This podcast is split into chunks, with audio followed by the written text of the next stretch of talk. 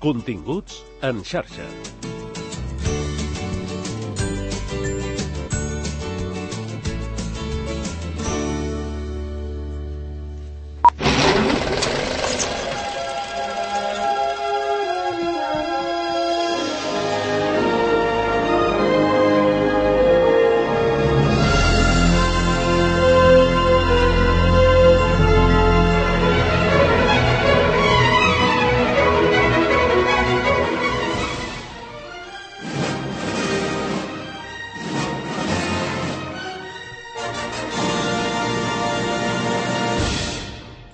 A controversial subject.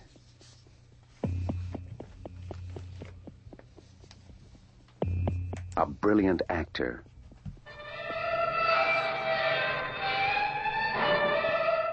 A powerful and touching film.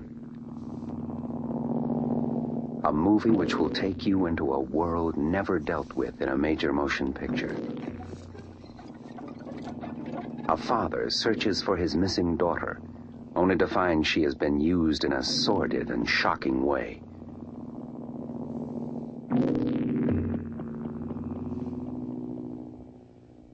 Nothing you have ever done, seen, or imagined can prepare you for the experience of hardcore. Turn it off! George C. Scott. Hardcore.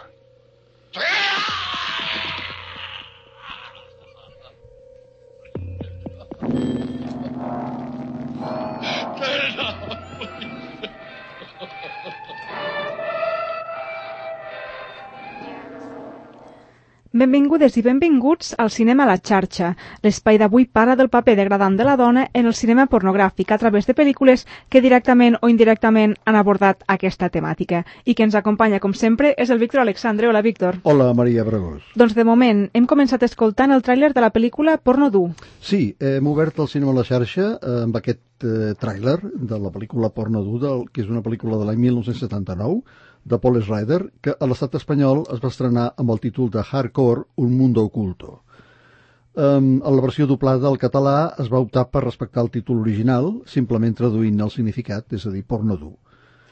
La raó és que avui, mm, la raó d'aquest film, diguéssim, eh, és que avui dedicarem el programa no al cinema pornogràfic en si mateix, sinó al paper vexatori que té la figura de la dona en aquesta mena de cinema. Eh, D'entrada hem de dir que la indústria del porno és una indústria potentíssima eh, que només als Estats Units mou 3.000 milions de dòlars l'any i que genera uns ingressos arreu del món de 5.000 milions de dòlars anuals. Els països amb més pàgines web amb aquesta mena de pel·lícules són Estats Units, els Països Baixos, el Regne Unit també, Alemanya, França, Japó, Austràlia, Canadà, les Illes Verges britàniques i la República Txeca. Eh, com et pots imaginar, eh, bona part d'aquest cinema no es consumeix davant del televisor, sinó del telèfon, eh, fins al punt que prop del 70%, del 70% de films pornogràfics es consumeixen a través del mòbil. El 70%. Um, com veiem, és un negoci espectacular eh, perquè té costos molt baixos i beneficis molt sucosos. Només als Estats Units cada any es roden 12.000 pel·lícules pornogràfiques, que bàsicament tenen, tenen com a destinatari el públic masculí. Uh, la prova és que dels 40 milions 40 de consumidors nord-americans de cinema porno, tan sols un terç són dones. Això té la seva lògica, eh, esclar, tenint en compte que estem parlant d'una indústria dominada pels homes i pensada per als homes. Vull dir que, que els arguments, si és que es pot dir així, no estan pensats per a homes i dones indistintament, eh, eh, en absolut, la qual cosa fa que les dones, clar, eh, com a espectadores, no hi trobin elements d'identificació o de motivació. Però, però vaja, encara bo si fos, si només fos això, eh, encara bo. El, el problema afegit és el tracte degradant i humiliant que té la dona sistemàticament en aquestes pel·lícules i que la converteix en un mer instrument de satisfacció masculina, sense entitat pròpia, sense personalitat i sense ni tan sols la consideració de persona. Atenció, eh, això, ni tan sols la consideració de persona. Uh -huh. És com, com, com, com un infrahumà. La pel·lícula Hardcore, eh, Porno dur, protagonitzada per George C. Scott, eh, que ha obert el programa, parla d'un pare que se submergeix en aquest submón per trobar la seva filla, eh, que és una noia que es dedica a rodar aquestes pel·lícules. Um, una altra... És una bona pel·lícula, eh, aquesta, sí, és una bona pel·lícula. I en Josie Scott fa una gran interpretació. Una altra pel·lícula sobre el món pornogràfic és l'escàndol Larry Flint, del 1996, de Milos Forman, amb Woody Harrelson, Courtney Love i Edward Norton.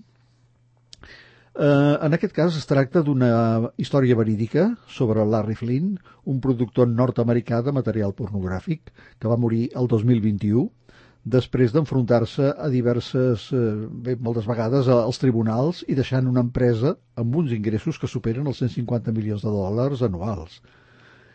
Um, ell va rebatre les acusacions que li feien denunciant la hipocresia social.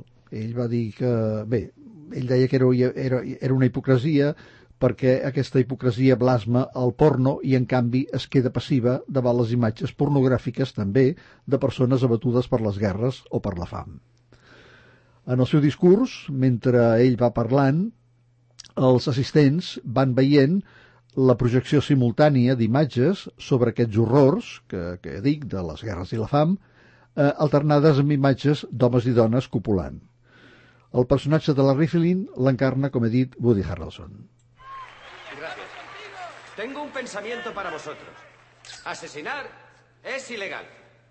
Pero si haces una foto de alguien cometiendo el acto de asesinar, Saldrás en la portada de Newsweek. Y hasta quizá ganes el premio Pulitzer. Sin embargo, el sexo es legal. Todo el mundo lo practica. Menos quiere practicarlo. Ahora bien, haz una foto de dos personas practicando el sexo o una foto del cuerpo desnudo de una mujer e irás directamente a la cárcel. Tengo un mensaje para todas esas buenas personas tan morales y cristianas que se quejan de que los pechos y las vaginas son obscenos. ¡Eh! ¡No os quejéis a mí! ¡Quejaos al fabricante! ¿Vale?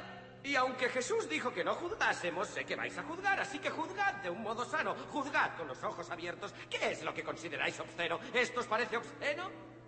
O tal vez esto os parezca obsceno. A lo mejor esto os parece obsceno, pero ¿Qué es más obsceno? ¿Esto o esto? ¿Esto o esto? ¿Sabéis? A los políticos y a los demagogos les encanta decir que el material explícitamente sexual corrompe a la juventud de nuestro país y sin embargo mienten, engañan y montan guerras sacrílegas. Miradles, se llaman hombres y son ovejas de un rebaño. Yo creo que la verdadera austeridad consiste en educar a nuestros jóvenes haciéndoles creer que el sexo es malo y sucio y feo y que por el contrario es heroico ir a derramar entrañas y sangre del modo más espantoso en nombre de la humanidad. Con tantos tabús sobre el sexo, no me extraña que tengamos los problemas que tenemos. No me extraña que seamos irascibles, violentos, genocidas. Pero ahora haceos esta pregunta. ¿Qué es más obsceno? ¿El sexo o la guerra? Un fragment al que hem escoltat de l'escàndol Larry Flynn. Sí, exacte. Es podria dir que Larry Flynn eh, feia demagògia pel fet de recórrer a la violència de les guerres i de la fam al Tercer Món, però, però no li mancava raó. No li mancava raó, perquè matar gent de fam també és violència, i es diria que el món s'ha tornat insensible a aquesta mena d'imatges com si no tinguessin solució, oi?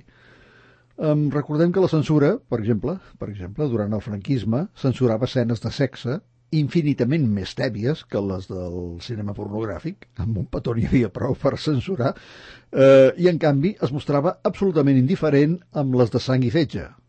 Eh, amb això no passava res. Eh, per cert, que Larry Flynn va patir un, un intent d'assassinat que li va provocar eh, la paràlisi a les cames, una paràlisi a les cames i Woody Harrelson va estar nominat a l'Oscar per aquesta interpretació. Però bé, reprenent el fil que dèiem abans de la indústria, eh, la indústria del cinema pornogràfic és una indústria falocràtica, absolutament, absolutament falocràtica. És a dir, netament masclista, dins la qual la dona no és res, en el sentit més literal del terme. Res, de res, de res, absolutament res. Simplement un cos destinat a satisfer la líbida masculina per mitjà d'estereotips com són la submissió o el masoquisme, i tota mena de vexacions i humiliacions. I això és més greu si tenim en compte que les estadístiques ens informen que el visionat d'aquests films comença a l'edat de 8 o 9 anys. 8 o 9. I circula ja, després, àmpliament entre adolescents i preadolescents. De manera que el missatge doctrinal que reben aquests adolescents i, i, i infants sobre les relacions sexuals és el del rol dominant de l'home i el rol submís de la dona a la dona se la pot usar, castigar, maltractar, pagar, violar, sense cap mena d'escrúpol, perquè estaria creada per això, sense cap més objectiu a la seva vida que satisfer les demandes sexuals dels homes. Aquest seria l'objectiu de la vida d'una dona. Tot plegat marca patrons de conducta sobre les relacions entre homes i dones. I, és clar, això, quan aquests nens es fan grans, doncs eh, això queda, arrela. Eh, no és estrany que hi hagi tantíssimes violacions, per tant. Eh, els informatius en parlen contínuament. Tota la indústria del cinema pornogràfic és per si mateixa un foment, un foment de la cultura de la violació. Un foment absolut. Eh, per dir-ho ras i curt, en aquests films la dona queda reduïda a la figura d'un animal sexual. Una pel·lícula que il·lustra molt bé eh, tot això és Pleasure, Plaer, de l'any 2021 força nova, de la directora sueca Ninja Tiberg. Molt bona aquesta pel·lícula, que ens mostra una noia de 20 anys que decideix deixar Suècia per anar a Los Angeles a fer cinema porno amb una idea eh, extremament ingènua del que és allò. No? Es pensa que, que guanyarà molts diners i, en fi, només ha d'ensenyar una mica i ja està. No? I no es planteja, aquesta noia, eh, quins, quins són els límits eh, que està ella, ella mateixa està disposada a fixar eh, arriba pràcticament doncs, eh, verge de pensament en aquest sentit. Des del meu punt de vista, aquesta és la millor pel·lícula que s'ha fet sobre aquesta qüestió, la millor. I ens mostra tot aquest submón, sense, ho, ho mostra sense escarafalls i de manera absolutament descarnada. Pleasure, play. I met her at the party. Ah, the party. Fuck that party. My birthday party, where I got the best present ever. That dickhead Caesar getting thrown in the pool. it was so funny. That guy's a fucking douchebag. I will punish the shit out of him. People need to know that guy's a dick, and he should get blacklisted from the industry because nobody touches my baby girls like that. That's really fucked up. No one talks shit to my girls, right? Joy, see, I got you, girl. I got your back. It's just like fuck these guys. You know, I wish that we we should all just like start our own company, find like a rich investor or a sugar daddy and just, you know, all girls get really fat and ugly. And then if guys want to work, they have to eat our pussies under our fat flap. La pel·lícula Pleasure, que abans d'estrenar-se va formar part d'algun festival, no, Víctor? Sí, sí, sí, abans d'estrenar-se, exacte, perquè Pleasure es va projectar al Festival de Cinema de Canes i també al cinema, al Festival de Cinema de Sundance. Uh -huh. Uh, en el cinema pornogràfic, uh, bé, tot gira entorn de la sexualitat i del plaer masculins. I es fixa la relació dominant, ja de, de vell antubi, uh, de l'home sobre la dona, que és exactament la mateixa que la de l'amo i esclava, eh? o la de dominador i dominada. Um, per exemple, una de les paraules, una de les paraules que més, més, més sovintegen en aquests films, de fet, acostumen a circular també molt en els en els relats, en la en literatura, però no, bé, no, no en diria literatura, sinó en narracions eròtiques, teòricament eròtiques, eh, en què la dona continua sent una... O sigui, sempre se li diu puta. La paraula puta apareix sempre a les pel·lícules porno i en molts d'aquests relats eròtics que, que circulen per internet. I, a més a més, la dona demana que li diguin puta. És a dir, això... Eh, I, naturalment, els guions estan escrits per homes. Totes les dones són qualificades així, de putes, durant el coit, a les pel·lícules, i no experimenten més plaer, no experimenten més plaer que el de donar plaer als homes. Eh, com més sumises, més vexates. Eh, D'acord amb els patrons del cinema pornogràfic, la dona no estaria creada per tenir plaer, sinó per donar-lo.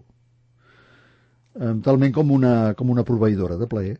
Això seria la dona. Disponibilitat absoluta les dones són objecte de plaer i, és clar, un objecte l'agafes i el deixes com vols. És com un tovalló de paper, no? Sempre ha d'estar, sempre la dona, les dones d'aquestes pel·lícules, sempre estan a disposició del que l'agafi. Um, com he dit, és una indústria netament masclista, però també és una indústria netament misògina i, a més a més, netament racista. Que déu nhi aquest és un altre component.